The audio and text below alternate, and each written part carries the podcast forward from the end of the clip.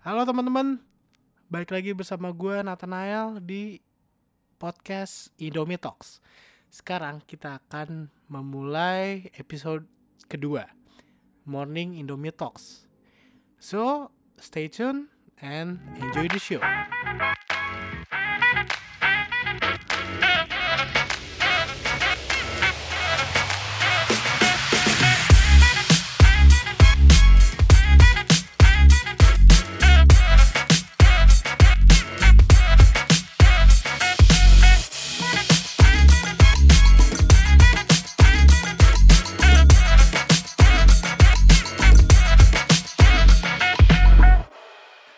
Oke teman-teman, kali ini gue bakal ngobrol sama temen gue juga lagi. Cuman yang berbeda adalah temen gue abis aja ngeluncurin buku barunya, buku perdananya.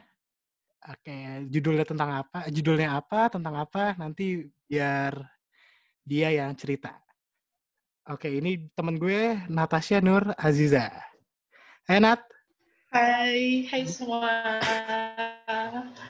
Gimana kabarnya Nat di sana di Makassar? Baik banget, alhamdulillah baik. Gitu. Ya lo gue nggak pernah lo ngomong seserius ini sama Naya. Nah, Iya, gue gue kalau ketemu lo ngebahasnya yang receh. Kita nggak pernah ngebahas yang se segininya. iya, kita nggak pernah seserius ini sih. Ya nggak apa-apa. Oke, nah hari ini Nat, gue ngundang lo buat ngobrol di sini buat bahas tentang buku terbaru lo yang baru luncur hari Jumat kemarin ya. Iya, Tanggal hari Jumat kemarin. Tanggal 8 jam 4. secara bagian- digital. Eh, waktu bagian, ya secara digital.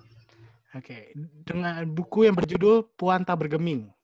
Puan tak bergeming. Kumpulan puisi Puan tak bergeming. Oke, Nat, pertanyaan pertama yang membuka obrolan kita. Standar, standar banget. Gimana perasaan lo? Akhirnya bisa ngeluncurin buku ini. apa ya lega mungkin ya karena proses gue nulis ini kan panjang banget ya dari tahun 2014an lah dari bener-bener dari 2014 dari gue masih anak cunguk lah sampai akhirnya bener-bener gue seriusin ini sebuah pekerjaan itu perasaan gue leganya bukan main sih. Pertama gue insecure parah. Kayak berapa kali kan gue selalu mikir tiap tahun tuh gue pasti mikir pokoknya tahun ini gue harus nerbitin buku gagal nggak jadi. Tahun berikutnya harus harus harus harus nggak bisa. Baru kali ini baru tahun ini baru bener-bener yang kewujud bener-bener bisa gue nerbitin karena setiap gue mau nerbitin tuh pasti wacana doang dan gue nggak nyangka akhirnya tahun ini adalah tahunnya gue bisa bener-bener ngeluarin anak pertama gue ini 6 tahun ya, 6 tahun penantian. Ya kan? 6 tahun. iya enam tahun penantian Oke. So far enam arti tahun so far arti buku ini buat lo apa? apa ya kayak anak pertama sih bener-bener yang kayak melalui proses yang karena prosesnya sih prosesnya itu sih yang gue yang gue kagumin sama diri gue ya Hmm. maksudnya gue di sini bukan being narsis tapi yang Enggak, gue nggak apa-apa, proud itu di diri gue adalah yang gue proud adalah akhirnya gue bisa gitu Hmm. karena setiap tahun yang gue pikirin itu adalah gue selalu kenapa gue nggak terbitin di tahun-tahun kemarin? Karena gue selalu mikirin kepala orang gitu. Hmm. di tahun ini akhirnya gue mencoba untuk kenapa gue harus repot-repot mikirin kepala orang? Kalau yang gue punya tuh kepala gue sendiri gitu. Ya persetan lah orang lain juga mau kayak gimana tentang karya gue ya ini gue gitu. Nah pas meledak tuh baru gue ngeliat kayak gila lo Nat gila men lo bisa ternyata itu yang gue ngerasain sih kayak tuh kan lo bisa tuh kan lo bisa kalau tau kayak gini kenapa nggak kemarin-kemarin? Justru malah nyesel kenapa nggak dari dulu aja? Gitu. Itu Oke. luar biasa sih. Ini ini bener-bener eh, titik balik turning pointnya gue banget sih dalam berkarya. Iya, kayak gue tersadarkan tiba-tiba. Oke. Nah, eh, sebenarnya nanti akan gue bahas lebih lanjut gimana proses atau refleksi yang lo dapetin setelah menulis buku ini sampai ngeluncurin. Tapi sebelumnya gue mau ngulik tentang buku ini dulu. Oke, Puan tak bergeming. Yeah, boleh, boleh. Apa artinya? Yeah. Gue juga bukan anak sastra, jadi gue juga nggak uh, nggak terlalu tahu arti-arti yang tersirat ataupun tersurat ya. Di di dalam buku ini mayoritas bercerita tentang apa? Sajak lu bercerita tentang apa? Um, sebenarnya ini Puan tak bergeming ini nih baru nih judulnya. Sebenarnya hmm. awalnya bukan ini. Sebenarnya awalnya tuh judulnya pertama itu aksara dalam jeglaga. Hmm. Terus gue ganti lagi, uh, eh, gue ganti lagi jadi layur. Terus gue ganti lagi jadi puan tabu geming. Kenapa tabu geming? Kak, uh, mungkin benar kali ya orang-orang bilang kayak kalau kita mau bikin sesuatu, apalagi lo pernah kan selalu dengar dosen tuh bilang kayak kalau kita mau bikin paper, kalau kita mau bikin apa-apa tuh hmm. judul belakangan kan itu bener bang, itu bener banget.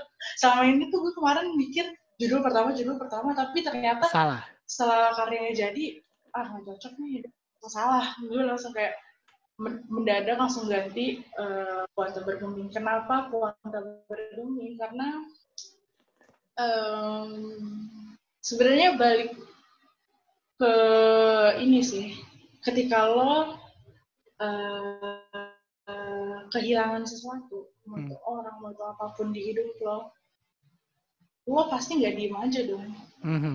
lo pasti mempertanyakan jadi tuh perempuan puan perempuan tak bergeming perempuan yang nggak diem aja. Okay. maksudnya kayak ya apa pun yang terjadi di hidup lo mau itu kedatangan mau itu kepergian ya lo pasti nggak diem aja dong. Lo pasti kayak lebih apa ya ada sesuatu yang berbicara di dalam diri lo. Dan mostly uh, sajak ini bercerita tentang temanya sebenarnya adalah tentang kepergian sih orang yang pergi orang yang uh, ditinggalkan yeah. orang hmm. yang sedih lah jadi, jadi pokoknya melankolia jadi semuanya ya melankolia oke okay. sedih ada uh, senangnya juga nggak nggak mostly tentang cinta-cintaan doang iya, benar. sih Nah, gimana caranya lu bisa konsisten? Maksudnya gini, ibarat kan gue kan tuh bikin judul terakhir. Tapi pas gue baca dari puisi-puisi lo yang lo kumpulin itu ada satu korelasi, ada satu korelasi dengan yang lain. Jadi bener-bener nggak keluar dari skopnya dan bener-bener pas banget lo bikin judulnya gitu. Jadi kayak bener-bener tuh judul mengcover 32 sajak lo gitu. And it's good things gitu. Gimana tiba-tiba, oh ya deh gue memutuskan pakai judul ini gitu? Ih, sumpah itu by accident sih semuanya. Gak ada yang gue rencanain buat judul ya. Karena bener-bener yang kayak mumet banget. Kayak gue, pokoknya gue terpaku waktu malam itu. Gue hmm. harus nerbitin buku. Harus, harus, harus, harus. Tapi gue harus nyari judul yang eye-catching nih, yang pas orang baca, apaan nih? gitu karena kan kalau misalkan gue mikir yang kemarin aksara dalam jelaga orang udah nah. mikir doang aksara apa aksara apa sih dalam dalam jelaga tuh apa orang tuh malah bikin mikir gitu kalau puanta bergeming kan kayak kayak orang nge-trigger orang gitu loh puanta hmm. bergeming kayak gue ngeliatnya gitu ya hmm. Tapi gue nggak tahu orang lain kayak gimana gitu Iya, Cuman, kan ini dari ya representasi lo kan? Iya. Terus kenapa gue bisa konsisten ya itu mungkin ya karena gue karena di dalam proses pembuatan ini tuh uh, puisi gue ini tuh gue selalu dihadapkan dengan kehilangan-kehilangan dalam hidup gue. Sehingga gue sampai akhirnya gue juga kehilangan diri gue. Yang itu yang bikin gue bisa konsisten ya. Karena tulisan gue tentang kehilangan-kehilangan gue yang ada di hidup gue apa pun itu. Oke, gila keren banget sih. Dat, nih, BTW kan lu juga punya nih satu akun Instagram tersendiri yang ngebahas atau yeah. ibarat kata koleksi sajak-sajak lo. Iya. Yeah. Teman-teman boleh ya yang lagi dengerin ini boleh follow riuh dot rimba, ya. rimba. Di ini akun kumpulan puisi puisinya Nata juga. Nah Nat, Iya. Kalau dilihat dari jejak digital, pertama kali lu publish ke sosial media, ke Instagram, dulu kan namanya Senjadi Laguna, ya kan? Hmm. Pertama kali lo naruh puisi itu 2017, 11 Juli. Mm-mm. Judul sajaknya tak sama. Iya. Oke, itu itu nggak masuk ke dalam puisi yang nggak nggak masuk ke dalam kumpulan yang sekarang, ya kan? Iya. Nah, yang masuk adalah Rindu. Iya. Rindu itu lu post di hari yang sama, 11 Juli 2017. Hmm. Kenapa? Kenapa tak sama itu nggak masuk? Yang di mana itu pertama, itu pertama yang lu tulis atau pertama yang lu publish? Apa sebelumnya lu pernah nulis juga? Pertama yang gue publish. Tapi bukan pertama yang lu tulis. Sebenarnya yang justru rindu. Hmm. Yang gue tulis di tahun 2014 itu rindu justru. Oh, Mungkin itu ya karena gue mungkin karena gue udah punya ikatan batin sama rindu, mm-mm. terus gue ngelihat kayak tak sama, tak sama itu nggak tahu ya. Gue mikir yang nggak yang nggak aja mungkin. Karena kalau nggak salah tak sama tuh tak sama tuh gue bikin buat mantan gue deh. Dan gue nggak mau dia gr gitu. Oke. pas ngebaca itu tuh gue nggak mau dia pas ngebaca buku gue mantan yang gue benci banget ya. Eh bukan benci sih mantan yang membuat gue tidak baik-baik saja Oh, iya, iya. nah gue nggak mau know, dia baca buku dia gr gitu gue nggak mau gue nggak mau sorry banget nih gengsi gue masih tinggi Karena kelihatan banget tak sama itu tertuju pada satu orang sih, gue baca ya. Iya. ya kisah cinta masa SMA lah yang masih monyet-monyetnya tapi anjir. Eh, nah, Nat, ada satu yang unik dari pembuatan puisi lo. Orang, orang ya, gue nggak tahu ya. Ini yang gue kenal lo. Lo itu orang yang nggak peduli kanvas apa yang lo pakai. Hampir semua media lo pakai buat nulis puisi. Mau itu stroke McD, mau Hmm. itu tisu, ya kan? Mau itu eh, apa? Dinding-dinding kamar lo gitu. Eh, ada nggak alasan tersendiri kenapa lo gitu? Rata-rata kan orang nulisnya kalau nggak di laptop, di buku gitu ya. Walaupun lo juga di laptop dan buku juga tulis, tapi kan lo menggunakan media-media yang ja- nggak nggak kepikiran orang aja buat nulis di situ. Gitu. Karena eh, pertama gue tuh jarang suka bawa buku puisi gue. Hmm. Jadi pas gue nemu ide buat nulis, itu random banget. Kayak tiba-tiba ada kebesit, gue lagi makan sama temen gue. Gue pengen banget nulis, tapi nggak ada medianya gitu. Ya tisu lah gue pakai, stroke makan lah, apa kayak gitu yang gue pakai. Tangan gue sendiri. Supaya, karena gue suka lupa ya. Padahal gue tahu ya di HP ada note ya. Emang gue orangnya ini sih, nggak di teknologi banget. dan, dan kenapa kenapa gue nggak nyaman Hmm. awalnya eh, nulis di laptop karena gue ngerasa gue lebih nyatu sama diri gue ketika gue nulis Iya. gue bisa iya gue membaca tulisan gue sendiri tuh pakai tangan gue tuh gue ngerasa otak gue yang nulis di kanvas itu. Jadi kalau ngetik di apa ya ngetik di laptop tuh gue ngerasa nggak nyaman sih. Dan gue suka tulisan tuh yang banyak coretannya jadi tuh orang pas ngebaca tuh kayak anjir nih orang struggle banget buat tulis satu bait kayak gitu banyak banget coretannya gitu gue suka uh, ada beberapa hal yang dicoret-coret tuh gue suka Termasuk dinding kamar lo. Di, dinding kosan lo. kalau dinding tuh udah kayak mind map. Masih gue gue ngeliat gue ngeliat di Instagram gue ngeliat lo nulis nulis di dinding. Gue berasa kayak ngeliat dosen terangin ke murid. Maksudnya lo menggunakan dinding sebagai apa ya? te- te- papan tulis gede Iya. banget gitu. Dan ya lo bener-bener coret-coret di situ gitu. Oke. itu bentuk Ah. kejujuran gue dalam berkarya sih Hmm. Iya, kayak gitu. Kayak gue pengen orang lihat tuh gue apa adanya. Apa pun media yang gue pak, gue pengen menyadarkan orang-orang sebagaimana keadaannya lo bisa nulis pakai apa aja. Mau itu mau pakai apa kayak medianya, tangan lo ke apa. Gue pengen orang tuh tahu kalau nulis tuh nggak sesusah itu, Hmm, hmm. gitu. Pengen orang-orang melek aja. Nah, ada satu perjalanan penulisan lo yang gue kagumin dan gue pengen tahu perasaan lo. Jadi waktu bulan November kemarin, 2019, lo datang nih ke launching buku Selamat Datang Bulan dan Bahaya-Bahaya lainnya. Ya kan? Iya. Iya, apa ini ya Kateo. Nah, and then lo diajak untuk bacain di panggung. Apakah itu panggung pertama lo atau sebelumnya juga lo pernah bacain-bacain puisi-puisi lo di panggung-panggung yang lain? Selama 21 tahun hidup itu adalah panggung utama gue. Pertama. Gimana Sumpah, rasanya? Itu for the first time of my life. Bener-bener orang ngedenger tulisan gue, perasaan gue, gue nangis sumpah. Itu rame Karena rame, kepotong itu aja rame tuh kan? videonya. Rame banget. Rame, rame. Nah, terus? Ra- ramenya 30-an orang lah. Nah, it's good. Kan emang dibikinnya acaranya lebih ke Terbatas. private sih, Hmm. private. Bukan private sih, lebih ke, ya terbatas gitu kan. Hmm. Apa ya? Gue nangis, sumpah. Gue nangis depan, eh, pas gue naik. Pas gue naik, tanya, tanya aja Deborah tuh gue nangis. Pas gue naik, gue ceritain latar belakang puisi itu, gue nangis. Terus gue mikir kayak anjing gue ngapain nangis? Ini karya pertama lo nanti lo harus Ah. bikin lo terus kayak pas orang pas orang ngasih approach tuh Hmm. ya Allah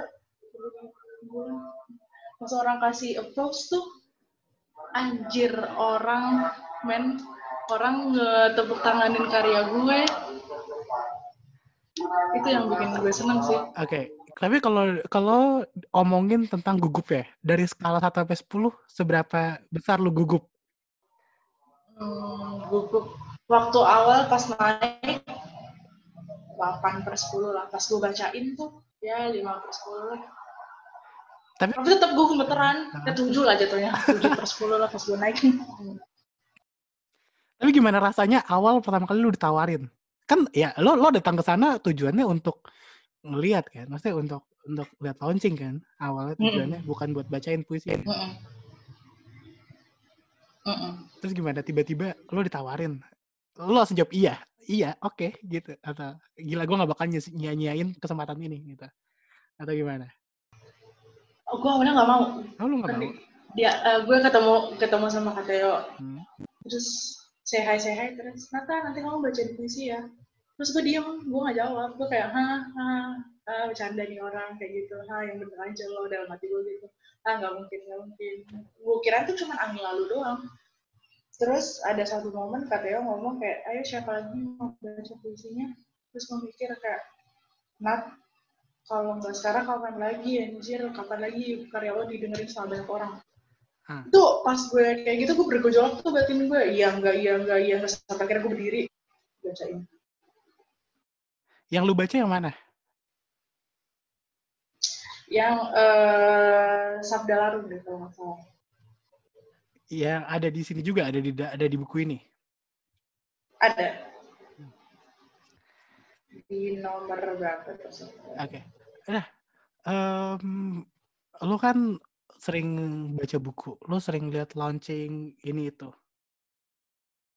Kayak misal, kayak misalnya gini, kayak gue pernah lihat di Instagram lo beberapa buku yang lo post kayak favorit buku. Kayak misalnya tadi malam lo, baca, lo baru aja ngepost kan, ada buku-bukunya ya agama manusianya Rabindranath Tagore, terus Gadis Pantai Pram, terus melihat api bekerjanya Aan Mansur. Walaupun sebenarnya buku sebenarnya banyak banget buku-buku yang udah lu baca. iya Seberapa besar sastrawan-sastrawan ini berdampak sama hidup lo dan karya lo?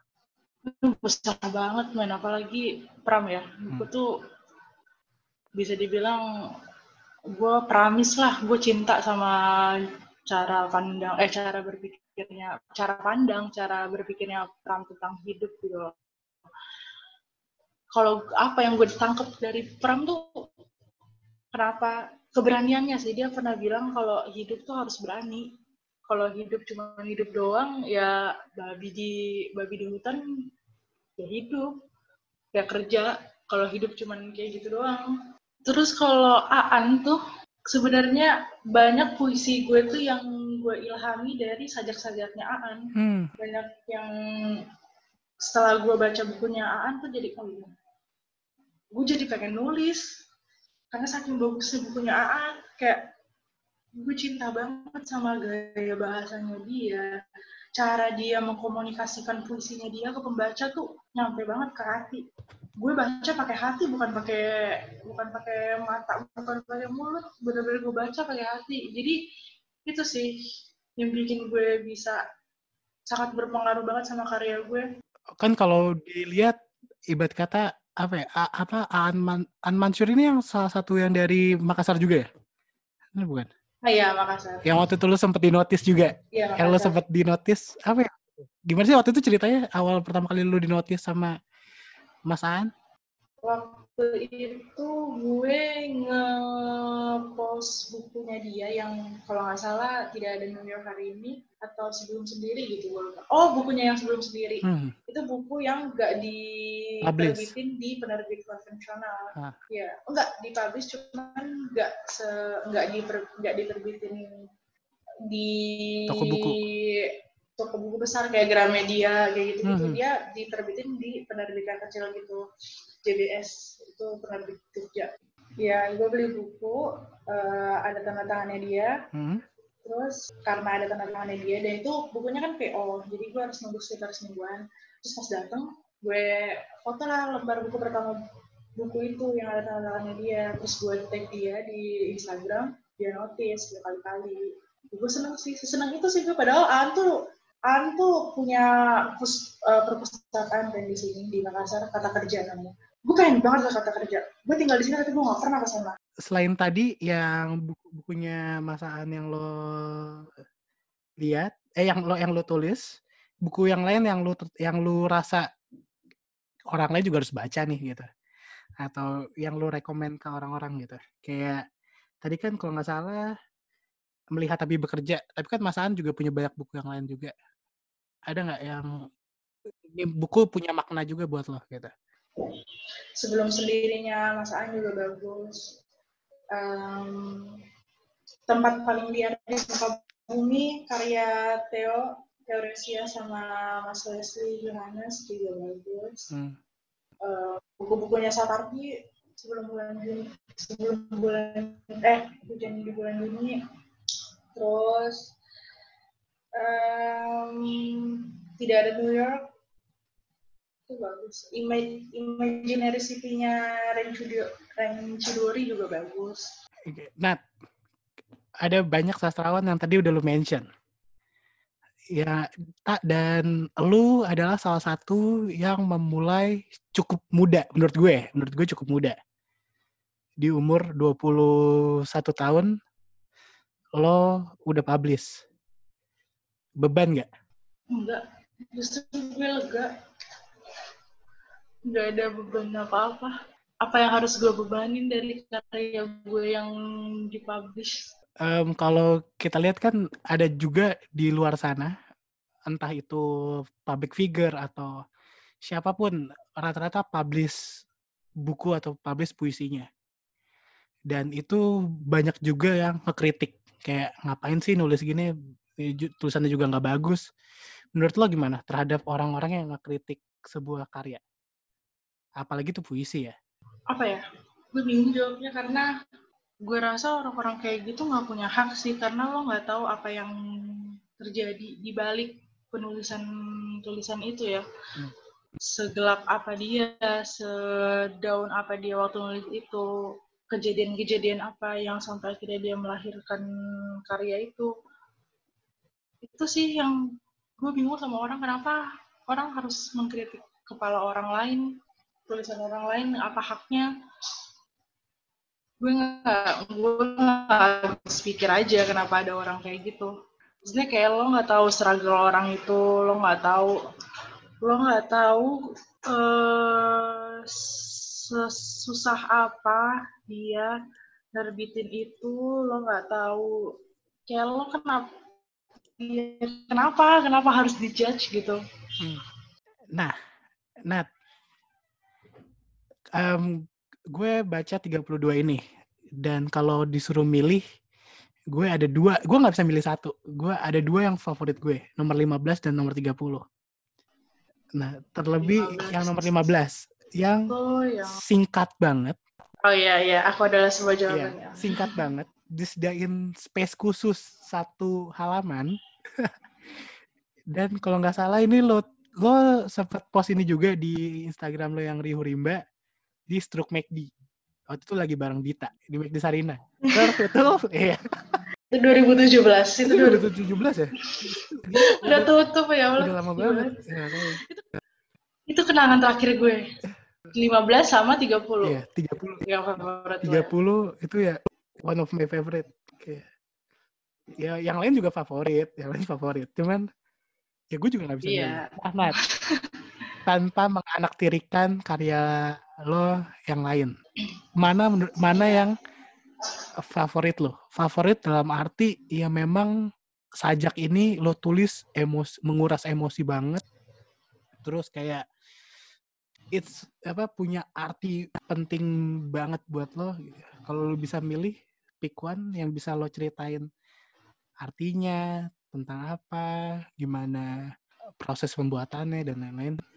Lo pilih yang mana? Ntar gue sampai lupa karya gue apa aja gue baca dulu. Sebenernya semuanya gue suka. iya, karena gue sama gue juga pakainya, suka. eh karena gue nulisnya pakai hati. Jadi gue kalau disuruh milih ya anak gue nih semua dan gue disuruh milih tuh kayak Boleh nggak secara spesial bacain di podcast gue? boleh Wah boleh. gila. Yang puisi favorit gue tuh yang disukain banyak orang sih nomor 18 itu orang banyak banget sumpah gue waktu gue boleh cerita sedikit Boleh, sih waktu cerita 20 jam juga boleh. jadi waktu Hamin satu malamnya nih rilis tuh gue udah gerasa gerusuk sama sama ilustrator gue kan ini kebetulan ilustrator gue ini adalah teman bangku gue waktu SMA namanya Mulyana Hmm. Eh, Keren banget. Gambarnya udah keren banget. Terus emang emang dia anak di kafe loh beneran anak di kafe nggak keli- nggak kelihatan anak sumuran lo. Ngerti nggak sih? Nggak nggak kelihatan ini gambar anak sumuran kita. iya Oke. Terus lanjut. keren banget nah terus pas malamnya gue demam demam deg-degan gue banget tidur. parah mual kayak nggak bisa tidur sumpah demi apa pun gue nggak tidur kan har- harusnya gue sahur. Hmm. gue nggak tidur sampai sahur sampai jam 7 pagi itu gue nggak tidur. Sampai akhirnya gue tidur gue sibuk nyusun buat uh, kata-kata buat bri- branding. Terus akhirnya lahir pas lahir wah gila. Gue nggak nyangka banget bahwa responnya orang-orang itu loh yang bikin gue tambah mual. Maksudnya mualnya tuh mual yang kayak anjing nih beneran orang-orang tuh suka beneran tambah goosebumps gue gara-gara tre- gue tremor. Sumpah, waktu rilis tuh gue tremor. Ah, bukan ke bukan ke lebih ne- bukan ke negatif way ya I mean ke positif way. Lebih kayak yang anjing ini beneran orang suka. Dan ada satu orang temen gue di teater keliling dia sampai ngechat gue personal kayak gue suka banget sama puisi nomor 18 Eh gue bacain ya dia ngechat gue tuh. Aku senyum-senyum sendiri pas baca eh, 18 senyum sendiri gara-gara terlalu naif buat jujur sama keadaan. Pengen terus kasih senyuman ke orang lain biar orang itu ngerasa masih ada orang baik sama masih ada orang baik yang ngasih kebahagiaan. Padahal aku sendiri juga butuh kebahagiaan. Kayak anjing men berarti pesan gue di berarti nyampe dong yang gue tulis tuh di orang ngerti dong apa yang gue tulis tuh bener-bener bener-bener bener-bener diilhami sama dia. Dan gue suka banget setelah dia nulis setelah dia kayak gitu eh, karya yang dibuat dari hati bakalan sampai ke hati juga kok kak. Wah, gila sih. terus gue mikir anjing. Iya sih. Terus? Karena gue selalu melibatkan hati gue kali.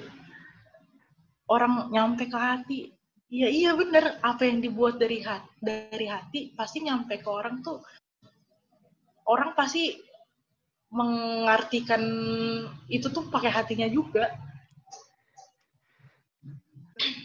jadi ya bisa dibilang ya favorit gue adalah nomor 18 nih, kan, gue, gue juga baca. Ini juga salah satu favorit gue. Gimana ya ju- apa ini kayaknya lo juga tinggal nunggu waktu sih sampai ada yang yang minta izin bait puisi lo untuk masukin dimasukin ke lirik sih. Feeling feeling gue tinggal nunggu waktu doang. entah entah musisi siapa. Eh, gimana proses pembuatan yang nomor 18 ini? Amin. Amin. Gimana proses pembuatan yang nomor 18 ini? Dulu lu lagi ngapain bisa nulis sedip ini? Meskipun yang lain juga deep. Dulu lagi 2019 deh. Baru Kalau nggak salah ini gue tulis ya tahun lalu di bulan. Iya baru ini. Oke, terus? Ini di bulan berapa ya? Ini tuh kalau nggak salah, gue lagi ada di titik daun-daunnya banget sama hidup gue deh. Karena gue baru aja ninggalin sebuah entitas. Dan lo tahu, Oh, iya iya. yang tahu-tahu aja. Iya, iya, iya, iya. Oh, Yang tahu-tahu aja. terus gue baru gue baru meninggalkan satu entitas. Gue bingung antara itu atau Tah, makanya terlalu banyak kejadian sedih di hidup gue, jadi gue tuh bingung. eh, tapi tapi seenggaknya sedih Gue jadi karya, Nat. Orang, orang sedih, orang sedih Iya sih, jadi iya, iya. orang sedih jadi Makanya, tai. Orang lu sedih jadi karya. iya ya. Syukur. Gak apa berarti semakin banyak sedihnya semakin banyak buku yang lo terbitin nanti. ya dong. Amin. Ya, tapi jangan amin, sedih-sedih amin, terus amin. lah. Amin. Gue gak pernah doain lu sedih sih. Terus? Pokoknya gue, pokoknya di di antara gue lupa ini di sepanjang 2018 atau 19 Hmm. gue bikinnya. Pokoknya gue lagi ribet-ribetnya sama suatu entitas lah, Mhm. suatu lingkaran Hmm. yang bikin hidup gue tersita.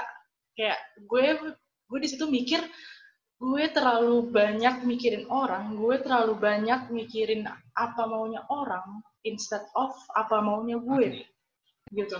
Gue terlalu mengelu-elukan orang, tapi buat diri gue tuh di lowest list banget, gitu.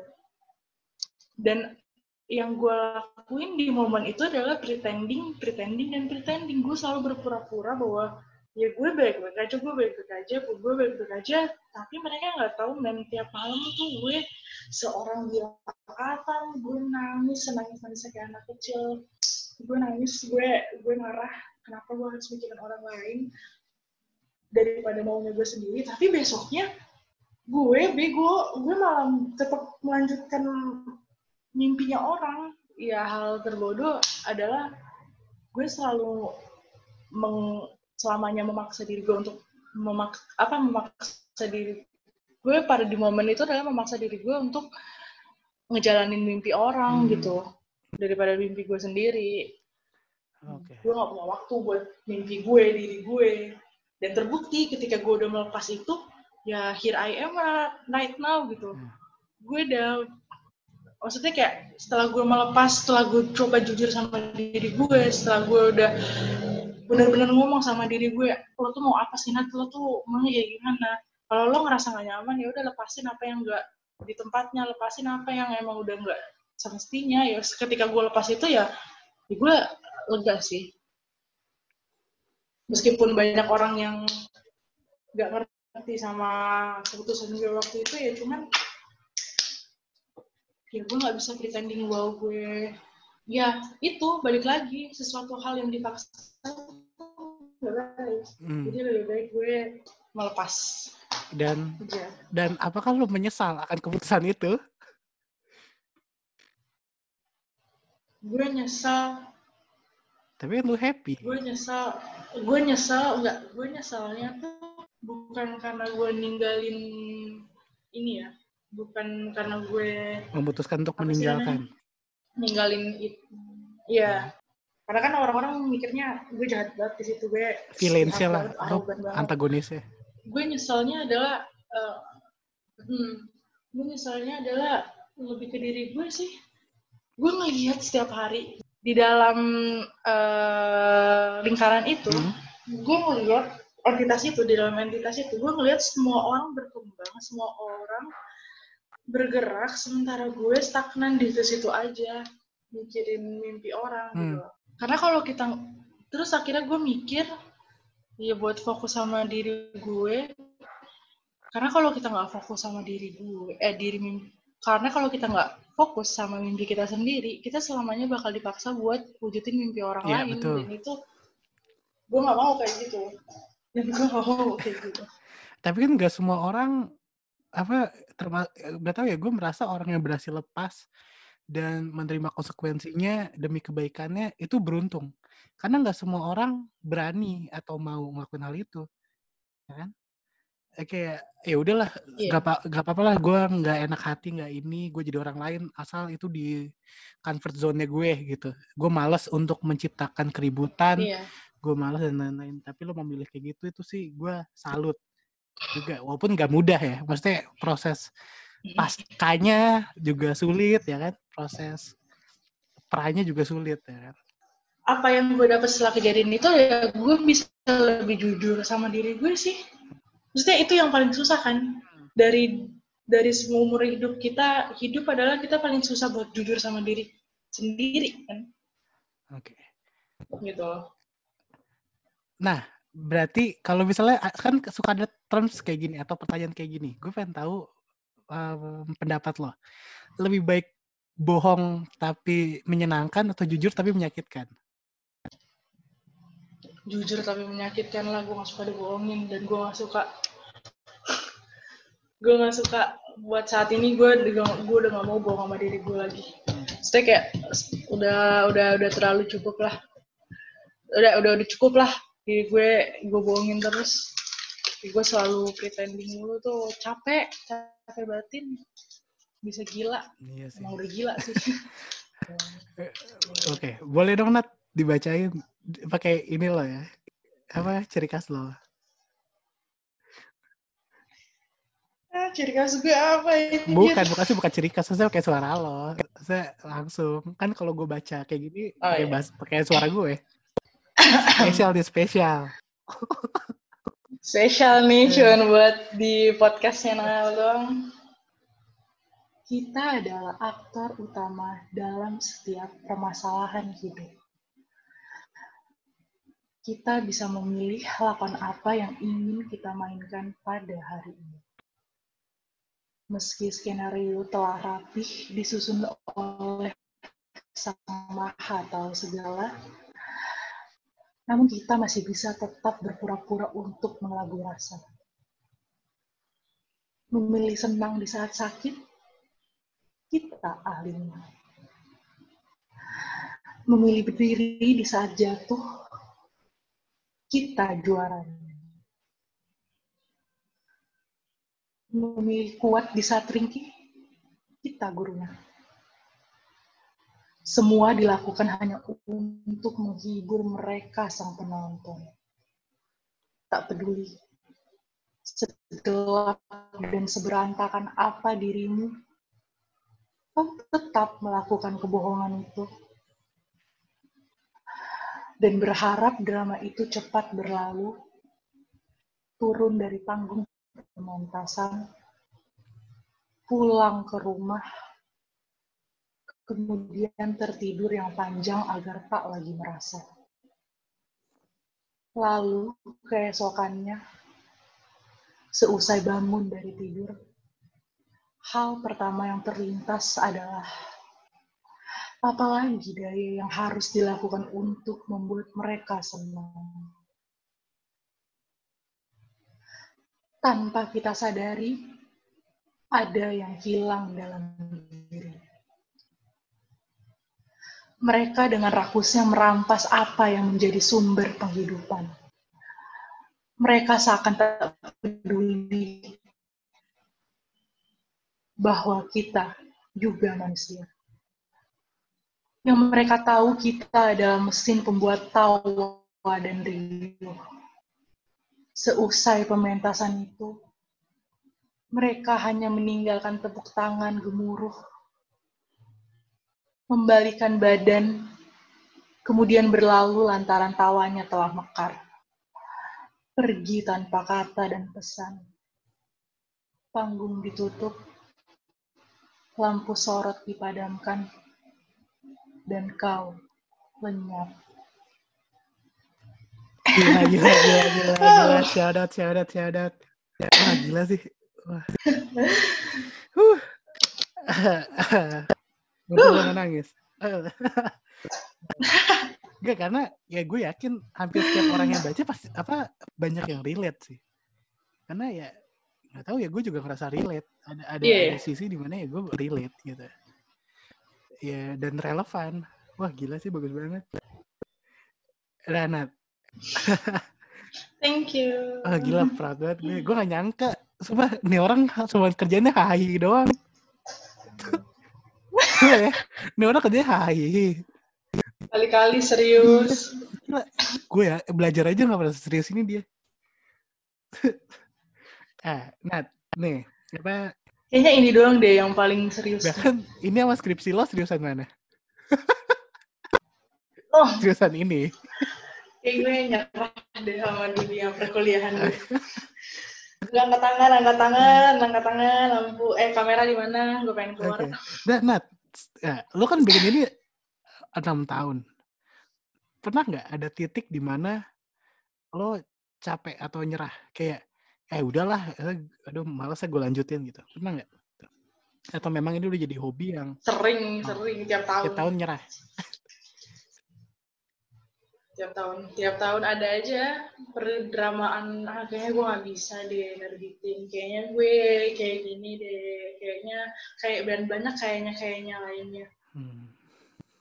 ya itu karena gue terlalu mikirin apa maunya orang apa kepalanya orang gitu loh Hmm, bener sih. Tapi akhirnya rilis.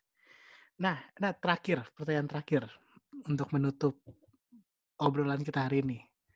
Yang sebenarnya banyak juga yang pengen gue obrolin, tapi nanti aja di episode-episode lain. Maksudnya gue pengen masih pengen ngobrolin teater lo, terus yang lain gitu. Cuma karena hari ini highlightnya adalah Puanta Bergeming dan sang penciptanya, jadi gue pengen bahas ini aja. Nah, Iya. nah terakhir, ada nggak yang ada nggak ya ada nggak yang berubah dari seorang Nata dari sebelum buku ini ditulis proses penulisannya sampai kemarin rilis. Lu merasa ada yang berubah nggak dari diri lo? Kayak dari bu- dari buku ini dari puisi ini gue belajar apa atau misalnya ya refleksi diri lo gitu.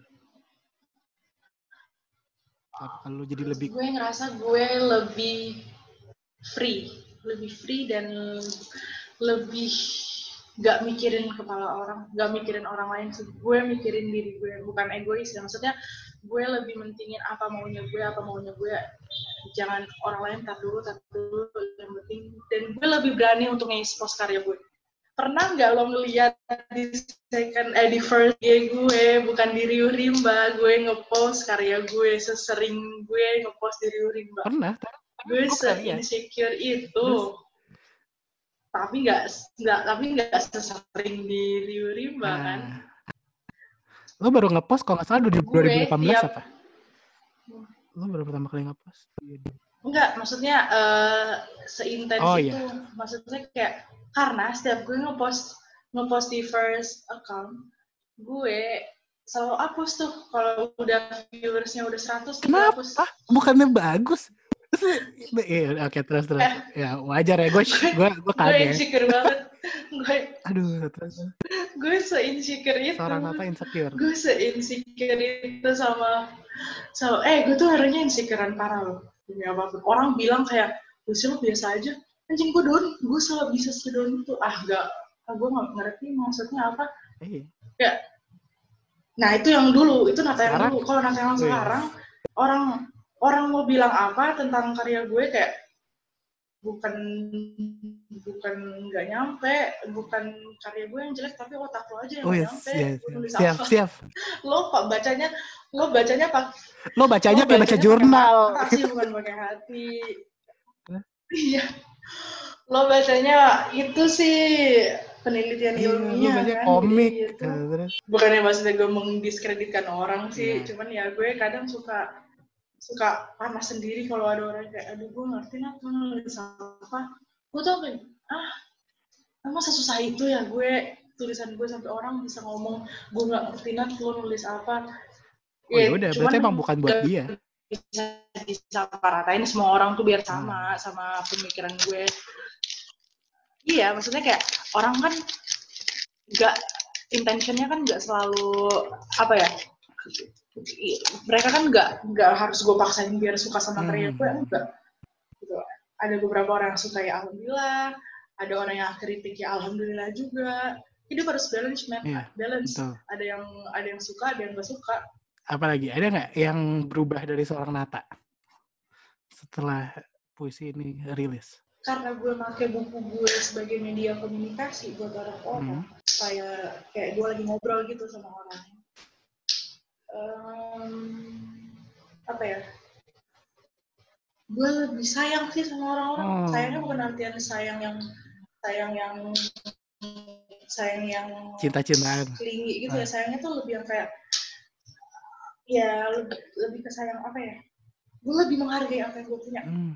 di hidup gue buang yang toksik dan rawat yang masih masih ada gitu loh. Ah. Misalnya gue lebih menghargai apa yang gue punya saat ini. Sebanyak atau sedikit apa pun itu gue hargai rawat yang udah nggak eh rawat yang masih kamu butuhkan buat kesehatan jiwamu dan buang yang menjadi racun di dirimu. Itu sih. Lebih milih-milih. Hmm, hmm. lebih lebih milih lebih legowo yang mau pergi-pergi yang datang-datang yang tinggal ya tinggal yang yang masih tetap sama gue yang yang masih tetap sayang gue sayang banget sama orang yang masih tetap stick sama gue walaupun diri gue bisa dark ini Hmm. kan gue orangnya insecure dan mellow banget ya dan sangat eh, apa ya anxiety gue tuh tinggi banget gitu.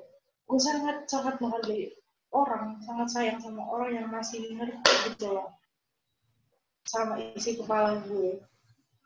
Yang sangat-sangat gue pun kadang nggak ngerti sama kepala gue tapi orang tuh bisa ngerti gimana tuh. Nah, itu itu gue lebih merawat orang yang seperti itu. Mhm. lebih lebih apa ya lebih menerima aja apa yang sekarang terjadi dan karena terlalu banyak kejadian-kejadian sedih dan kejadian-kejadian mau baik buruk sedih apa pun itu deh yang di hidup gue gue lebih peka sih Hmm. dan somehow kalau gue kalau gue itu kalau gue lagi buat kejadian yang apa ya sedih dan senang ya. Tapi buat kejadian yang sedih buat kejadian yang menurut gue gloomy banget Hmm. gue lebih enam sih enam mati rasa gitu loh. Karena udah terlalu banyak kesedihan di hidup gue. Jadi tiap apa pun yang deh kemarin yang tante gue eh tante gue meninggal Hmm. gitu kayak mama kedua gue gitu. Gue sedih. Nah, gue sedih banget. Tapi ada satu sisi diri gue tuh yang bilang ya udah udah jalannya nah iya. Terus gue jadi gak sedih lagi kayak anjing Secepat perubahan itu. mood gue tuh cepet Hmm. banget Ser- iya itu yang bikin gue mati rasa gitu bukan mati rasa ya apa ya kayak lebih realistis nah Good- lebih Good realistis dong. Itu lu lebih tough dong. iya iya lebih ya itu yang bikin dari dari banyaknya kesedihan gue yang kemarin-kemarin bikin gue itu sumber kekuatan gue sekarang itu yang bikin gue ya itu yang gue rasain sih setelah lahirnya si Puan tak bergeming ini Wah gila sih, mantep banget. Wah, thank you banget Nat, udah mau sharing ngobrol-ngobrol tentang karya lo di sini. Ya sebuah kehormatan banget bisa dengerin langsung dari yang bikin. Nah, buat temen-temen yang mau lihat langsung, yang mau baca langsung atau baca iya pokoknya untuk milikin langsung bisa di mana Nat? Em, buat yang mau baca bisa klik link di bit.ly eh, terus garis miring puan tak bergeming Oke. bit.ly garis miring puan tak bergeming Kalau nggak bisa juga follow Instagram lo ya? oh ya atau juga bisa melalui eh, link di bio Instagram gue nat, eh, at Natasha Andi Eh, Oke, nah terakhir apa rencananya a- ke depannya akankah bikin lagi apa mau menikmati ini dulu deh, menikmati atau menjaga atau membesarkan anak pertama lo dulu. jadi jadi sambil gue merawat dan membesarkan anak Ah. ini, gue spill the tea aja. Oke. Gue lagi Perdana nih di sini. pers- Iya, perdana nih. Baru nih, ini bener-bener perdana banget loh. Ini besok tayang, Nat. gue meng, eh, apa namanya? Ini Apa? besok tayang. Oh, besok Iya, banget. kalau bisa malam ini gue tayangin malam ini. Oh, besok banget. Karena morning talk jadi besok pagi. Gercep Oh iya banget. dong, kan gabut terus ngejar jam tayang, ngejar tayang gue. Eh, Gara-gara covid nih semua. Eh bagus dong. Eh, Iya kalau tidak covid, Bagus lah. Iya loh. Nat, Kita nggak berkarya, men. Ka- kalau eh, nggak- kalau nggak covid, kita nggak berkarya, Nat, men. kalau nggak covid, Nggak keluar ponta bergeming. kalau nggak covid yang terbit bukan puan tak bergeming tapi skripsi lo. Iya.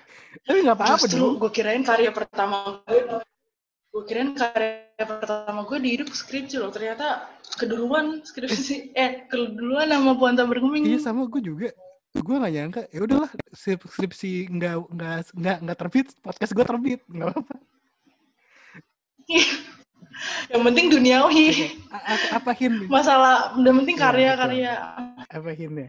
Ah ya, spill the Oh, tea. iya. Jadi, aku ingin spill the tea. Jadi, sambil membesarkan anakku yang baru lahir itu, Baru empat hari. gue lagi ter- Iya, baru empat hari dan gue masih berambi, gue sangat masih menggebu-gebu ambisi. Ah. Gue orangnya sangat Oh, ba- berambisi iya ya. memang. Kalau sekalinya udah A ya A. Nah, emang. Terus? Gue lagi eh, pursuing penerbit, Oh, anjir. lagi lagi ngoprek-ngoprek kebutuhan buat nerbitin buku secara fisik. Hmm. Di salah satu penerbit. Em, tapi gue nggak mau takabur dulu, gue Iya. nggak mau nyebutin kan, Kan baru baru berencana. baru dioprek-oprek. berencana. Nah, baru rencana. Ya, terus ada beberapa karya tambahan yang gak ada di buku itu. Pokoknya intinya adalah gue sedang berusaha untuk em, menerbitkan karya gue ini di salah satu penerbit. Oke. Stay tune. pasti, pasti, pasti. Aduh, thank you banget, Nat. Dan sekali lagi congrats atas Iya, bukunya. thank you juga. Ya, semoga promosinya juga berjalan dengan lancar. Ya, dan kayaknya udah ratusan juga yang download. Ya kan udah, udah ratusan yang download kan? Iya, dan. Iya, sampai saat Iya. ini 550 Wah, gila, gila. dalam empat hari. Gila, umur 21 tahun. Udah, ya. Ya emang jalan Tuhan, gak ada yang bisa tebak ya. Jalan Tuhan. Nggak ada yang bisa, men. Eh, Oke, jangan lupa ya Oke, para pendengar juga kasih, download yang tadi udah dibaca sama Nata dan juga jangan lupa tetap dengerin podcast ini Indomie Talks dan ya ini akan tayang besok Selasa. Jadi teman-teman dengerin bisa di berbagai platform. Oke, thank you aja Nat. Itu aja. Selamat berbuka di Makassar. Eh, di Makassar udah setengah enam ya? Iya. Iya, Iya, oke udah selamat berbuka. Stay healthy, stay safe ya. Kita harus ketemu lagi sih setelah Terima setelah kasih. karantina ini selesai. Iya, Oke. parah parah harus Parah. harus Harus banget banget. kita meet up. Oke, thank you banget Nat. Oke. Bye. Thank you. Hmm, thank Bye semua. See you. Thank you.